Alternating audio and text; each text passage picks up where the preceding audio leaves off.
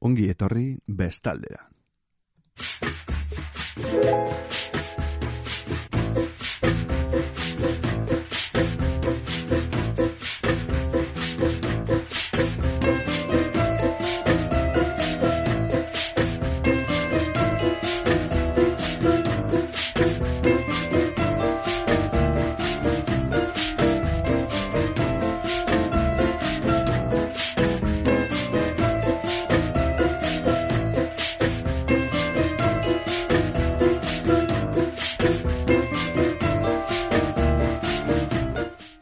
Entzuleok zer moduz dara mazue itxialdia, hemen egiten dugu bestaldean, eta espero dut zuen eh, bestalde hortan ondo egotea, Jon Olano Carlos nazue, eta badakizu egunero bezala bestalde saioak idatzen dudala hemen deka irratian.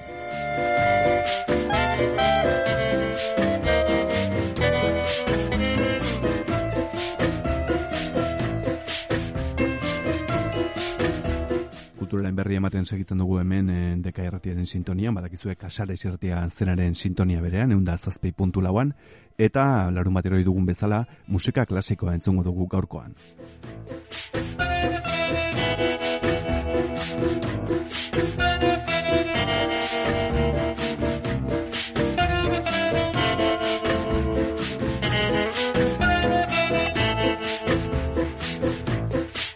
Kursal auditorioan e, apirilerako programatua dago e, Requiem Mozartena, baina ez gaude ziur e, beteko den edo ez e, itzordu hori, eta guk e, bazpa ere, ba hemen jarriko dugu hain zuzen ere Mozarten e, musika hori.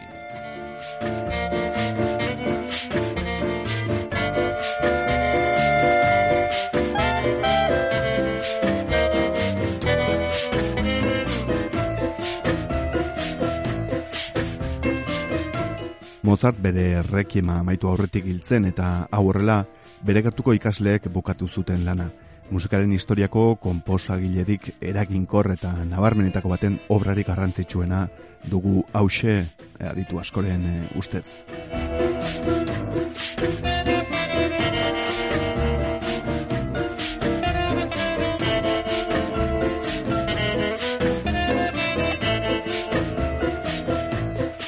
Wolfgang eh, Amadeus Mozart, eh, Salzburgon sortua, mila zazpireunda berrogeita amaseiko urtarriaren hogeita zazpian, eta bienan eh, zendua, mila zazpireunda berrogeita maikako abenduaren bostean.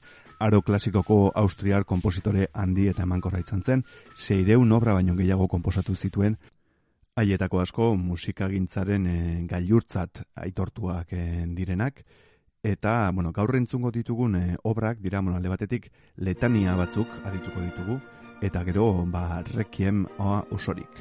Zuekin Wolfgang Amadeus Mozart.